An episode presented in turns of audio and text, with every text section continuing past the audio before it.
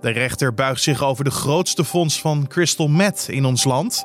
EU-leiders reizen af naar Brussel om daar te praten over een tal van zware onderwerpen. En het grootste gevaar voor de vrijheid en democratie sinds de Tweede Wereldoorlog. Dat zei de baas van de Amerikaanse inlichtingendienst deze week over China. Met deze belediging lijkt een oplossing voor het conflict tussen beide grootmachten verder weg dan ooit. Maar met Biden als president volgende maand kunnen de kaarten wel eens geschud worden. Zit China te wachten op hem als nieuwe president? Dit wordt het nieuws. Maar uh, wat dat betreft was de koers van de regering Trump best wel inconsequent. Er zat niet heel veel eenduidigheid in. En het is wel duidelijk dat Biden het uh, wat systematischer wil aanpakken. Ja, goed, en daarom uh, zouden de Chinezen waarschijnlijk blijer zijn geweest met een uh, tweede termijn voor Donald Trump. Je hoorde hier Matthijs Lou, buitenlandverslaggever bij nu.nl. Straks praten we met hem verder over de China-strategie van Biden en wat dit betekent voor de handel tussen beide landen. Maar eerst kijken we kort naar het belangrijkste nieuws van nu. Mijn naam is Carne van der Brink en het is vandaag donderdag 10 december. Minister Schouten van Landbouw, Natuur en Voedselkwaliteit heeft een meerderheid in de Tweede en Eerste Kamer gevonden voor haar stikstofplannen. Schouten heeft gisteravond, voordat ze met de Kamer vandaag debatteert over haar wet, een akkoord gesloten met oppositiepartijen SP, 50PLUS en SGP. In de aangepaste wet staat dat in 2035 de helft minder stikstof wordt uitgestoten. Dat is ambitieuzer dan het doel uit het eerste plan. Dat kwam neer op een stikstofreductie van 25% in 2030. Er komen ook tussendoelen voor 2025 en 2030 om zeker te weten dat het kabinet op koers ligt. De beroemde Italiaanse voetballer Paolo Rossi is op 64-jarige leeftijd overleden. De oud-spits die met Italië wereldkampioen werd in 1982 was al geruime tijd ziek. Rossi scoorde zes keer op het WK van 1982 en was daarmee de uitblinker van het Italiaanse elftal dat in Spanje voor de derde keer wereldkampioen werd. Hij was topscorer en de beste speler van het toernooi. Hoewel Rossi al lange tijd ziek was, komt zijn dood hard aan in Italië, waar hij door velen gezien wordt als de beste speler aller tijden van het land. Bij een grote brand in een kraakpand in een voorstad van de stad Barcelona zijn gisteravond een dode en 17 gewonden gevallen, waarvan twee in kritieke toestand verkeren. Het pand werd gekraakt door meer dan 100 Afrikaanse migranten. En tussen de 40 en 90 van hen worden nog vermist. De brandweercommandant zegt dat de meeste gewonden zijn gevallen toen zij naar beneden sprongen om de Vlammenzee te ontvluchten. De brand is mogelijk ontstaan doordat de bewoners van het pand een vuur stookten tegen de kou. Ook was er voor de brand een stroomstoring in het pand. De Europese Unie en het Verenigd Koninkrijk blijven de komende dagen verder onderhandelen over een mogelijk handelsverdrag. Zondag moet er een ferm besluit worden genomen of het zin heeft nog door te gaan. Dat heeft de Britse regering gisteren laten weten na afloop van het werkdiner van de Britse premier Boris Johnson met voorzitter van de Europese Commissie Ursula von der Leyen. Von der Leyen zegt op Twitter dat de standpunten van het Verenigd Koninkrijk en de EU nog altijd met elkaar verschillen. Beide kampen zullen onmiddellijk bijeenkomen om te proberen deze problemen op te lossen. Al dus de voorzitter van de Europese Commissie. En dan het hoofdonderwerp van deze podcast. En dat is ja, de opmerking: het grootste gevaar voor de vrijheid en democratie sinds de Tweede Wereldoorlog. Dat zei de baas van de Amerikaanse inlichtingendienst recent over China. Je kunt wel stellen dat dit in de anti-China-strategie past die Trump vier jaar geleden is begonnen. Zelfs nog in de laatste maand van zijn presidentstermijn gooit Trump met nieuwe sancties en beledigingen. China zal maar wat blij zijn als Trump uit het Witte Huis is. Of lijkt dit maar zo? En is Biden helemaal niet zo pro-China of goed voor de Chinese economie? Mijn collega Dominique Schep sprak hierover met Matthijs Lou, buitenlandverslaggever bij nu.nl. Want waarom zijn Amerika en China eigenlijk zo aan het ruzieën? Nou, als je dat helemaal uitsplitst, uh, geopolitiek gezien, dan is het gewoon zo dat het zijn twee ontzettend machtige landen uh, China is in de laatste decennia natuurlijk uh, enorm in opkomst. En uh, die opkomst lijkt op dat het ook blijft voortduren voorlopig. de VS, het machtigste land ter wereld. Nou ja, China gaat dat straks waarschijnlijk naar de troon dingen. Dus daar ligt een hele hoop grond voor rivaliteit. Het zijn ook twee hele andere landen. De VS is een democratie, China bepaalt niet. Dat is een, een communistische dictatuur eigenlijk. Dus ehm, ja, die twee die, die kunnen op een hele hoop fronten met elkaar botsen. Dat uh, is in de afgelopen, eigenlijk in de, de, de laatste helft van uh, de 20e eeuw, is eigenlijk de andere, een beetje de andere kant opgegaan, eigenlijk sinds de jaren 70. Um, en zijn de VS en China vooral op economisch gebied heel veel met elkaar uh, gaan handel drijven, heel veel met elkaar gaan samenwerken. Eigenlijk heeft de band met de VS, uh, die heeft ervoor gezorgd dat China zo'n enorme groei kon doormaken, omdat uh, dat een enorme afzetmarkt was voor Chinese producten. dus die twee economieën die zijn enorm met elkaar verstrengeld en ook dat levert de nodige grond voor rivaliteit op. Mhm. Amerika die is de laatste jaren onder Trump echt een hardere koers gaan varen. Uh, wat is eigenlijk de tactiek van Amerika? Willen ze gewoon voorkomen dat China hun positie inneemt? Trump uh, die zei dat het eigenlijk oneerlijk is, het manier waarop, de manier waarop het handelssysteem tussen China en Amerika momenteel in elkaar zit. China die heeft daarbij een, een voordeel voor Trump aan. Ja, dat was tijdens de jaren negentig stonden de Amerikanen die dachten nog van nou, als we gewoon China economisch aanjagen, dan gaan ze op een gegeven moment vanzelf wel democratisch worden. Dan komt er een middenklasse op, nou, die wordt vanzelf mondiger. Maar wat hebben we gezien? Eigenlijk het tegengestelde uh, is gebeurd. China wordt steeds onvrijer. Um, China maakt heel erg goed gebruik van allerlei uh, moderne technieken, surveillance technieken. Die worden uh, uitgebreid ingezet. En uh, de Chinese burgerij, om het even over één kant te scheren, die lijkt toch vooral te denken, nou, als het ons economisch voor de wind gaat en als wij onze kinderen betere kansen kunnen bieden dan die wij hebben gehad, dan vinden we het eigenlijk wel prima dat meneer Xi daar zijn hele leven lang op de troon zit. Dus uh, ja, dat is een beetje omgeslagen aan Amerikaanse zijde. Dus uh, mensen die denken niet meer zozeer dat China vanzelf zal democratiseren. En Trump die gaat eigenlijk een beetje voorop in die beweging. En die heeft vanaf het begin van zijn, uh, van zijn regeerperiode heeft hij het, uh, het hard gespeeld. Die is een handelsoorlog begonnen met China. Um, en inmiddels zijn bijvoorbeeld ook de democraten die drijven steeds een beetje meer naar die kant. Dus die willen het misschien niet zo extreem aanpakken als Trump, maar die erkennen wel dat uh, zoals uh, het handelssysteem er nu uitziet, heeft China een beetje een oneerlijk voordeel ten opzichte van Amerika. En dat kan ook ten koste gaan van Amerika. Dus uh, wat dat betreft zijn aan alle kanten van het politieke spectrum in de VS de, de visies wel redelijk gedraaid. Mm -hmm. Hoe gaat China eigenlijk om met die retoriek vanuit de VS? Nou, China die slaat terug bijvoorbeeld in die handelsoorlog. En onder Xi Jinping is China ook op geopolitiek uh, gebied heel erg bezig om de eigen macht uit te breiden. China laat zich steeds meer gelden in uh, de Zuid-Chinese zee. Uh, China wil een enorme handelscorridor aanleggen die over het hele Aziatische continent vanuit China naar het westen loopt. Het nieuwe zijderoute. China is heel actief in Afrika, in Centraal-Europa, um, nou ja, goed, in de Caucasus.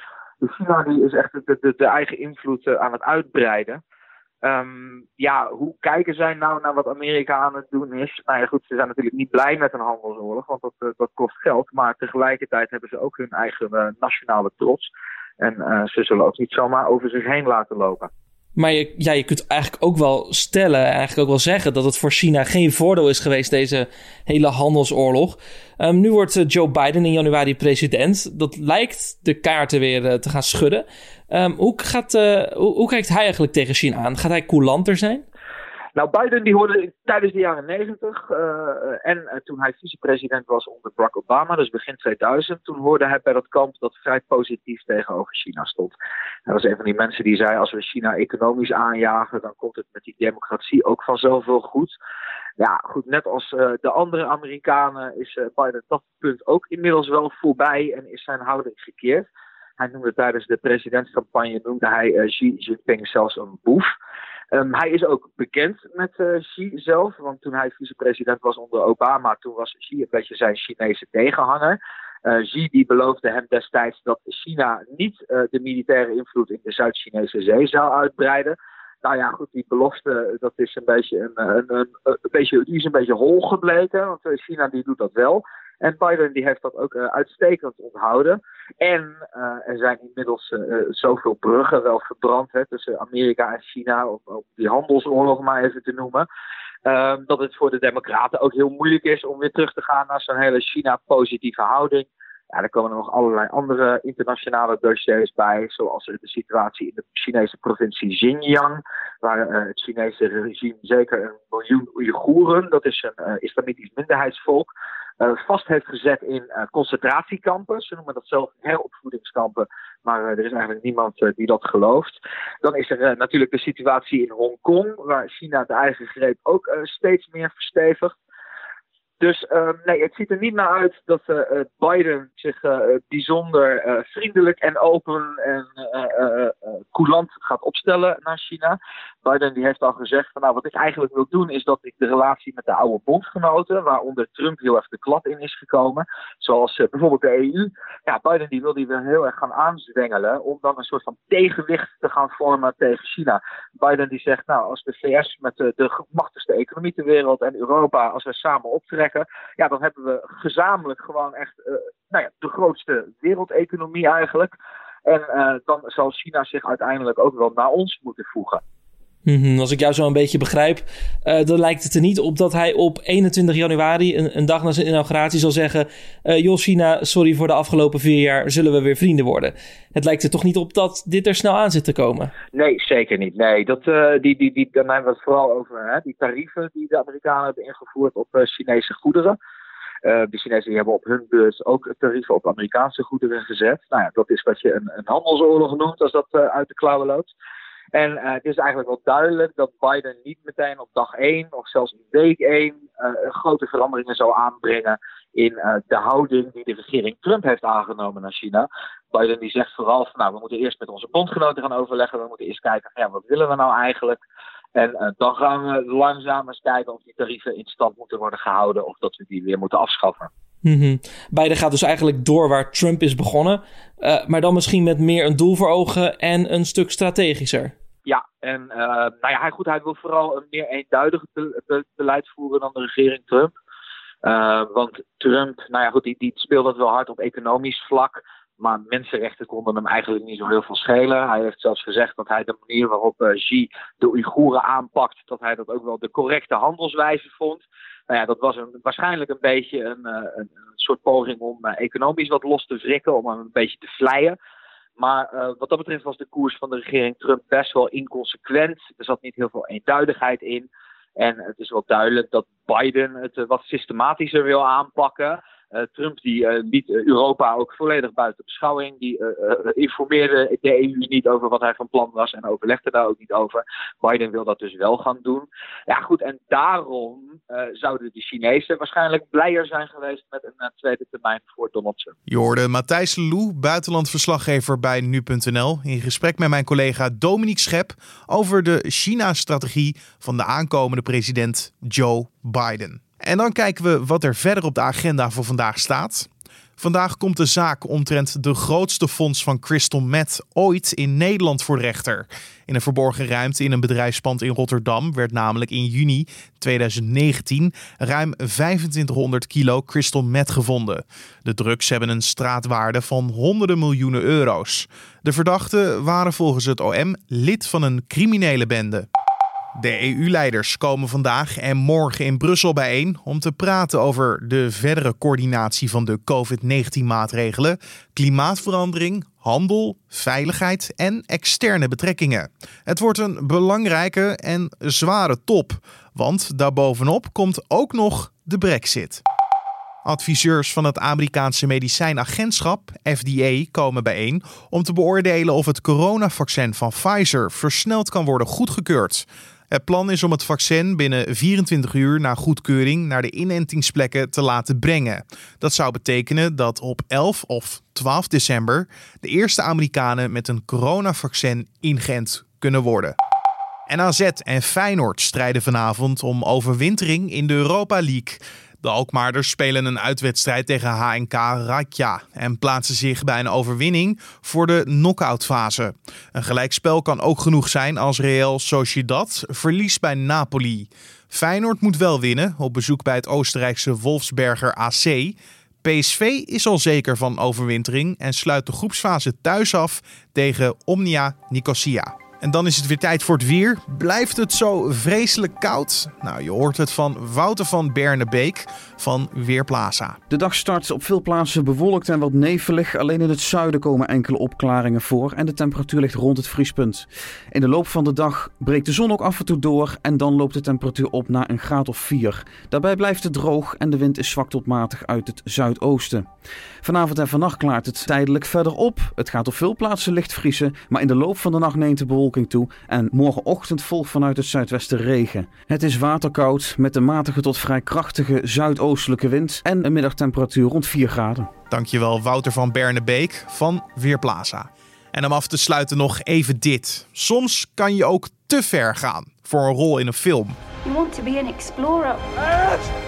Cut to my voice! But while you're doing all that, your own life is just slipping away.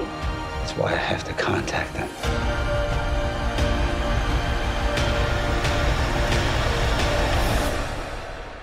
Before it's too late. George Clooney werd namelijk vier dagen voor de start van zijn nieuwe film opgenomen in het ziekenhuis. Dat vertelt hij in een interview met de Daily Mirror. Voor zijn rol in de film Midnight Sky, die hij zelf regisseert, was Clooney tientallen kilo's afgevallen. Maar dat begon na verloop van tijd zijn tol te eisen. De acteur begon last te krijgen van extreme buikpijn en bleek pancreatitis te hebben. Dat is een ontsteking van je alvleesklier, wat dodelijke gevolgen kan hebben. Gelukkig kon hij een tijdje aansterken in het ziekenhuis en daarna gezond en wel de film maken. En wil je het eindresultaat zien? Dat kan. Midnight Sky draait vanaf deze week in de bioscoop en is tevens te zien op Netflix. En tot zover de Dit Wordt Het Nieuws podcast voor deze donderdag 10 december. Je vindt ons op de voorpagina van nu.nl, maar misschien nog makkelijker in je favoriete podcast app. Zoek dan naar nu.nl en Dit Wordt Het Nieuws. Dan vind je ons. Je kan je gratis abonneren in apps zoals een Spotify of Apple Podcast. En zo staat die elke ochtend en middag voor je klaar. Heb je nog vragen, suggesties of feedback over deze podcast of over nu.nl in het algemeen? Stuur die dan door naar podcast.nu.nl en misschien behandelen we ze nog in de Week van Nu podcast aan het einde van de week. Dus stuur je mailtje door naar podcast.nu.nl. Mijn naam is Carne van der Brink. Dankjewel voor het luisteren en tot de volgende.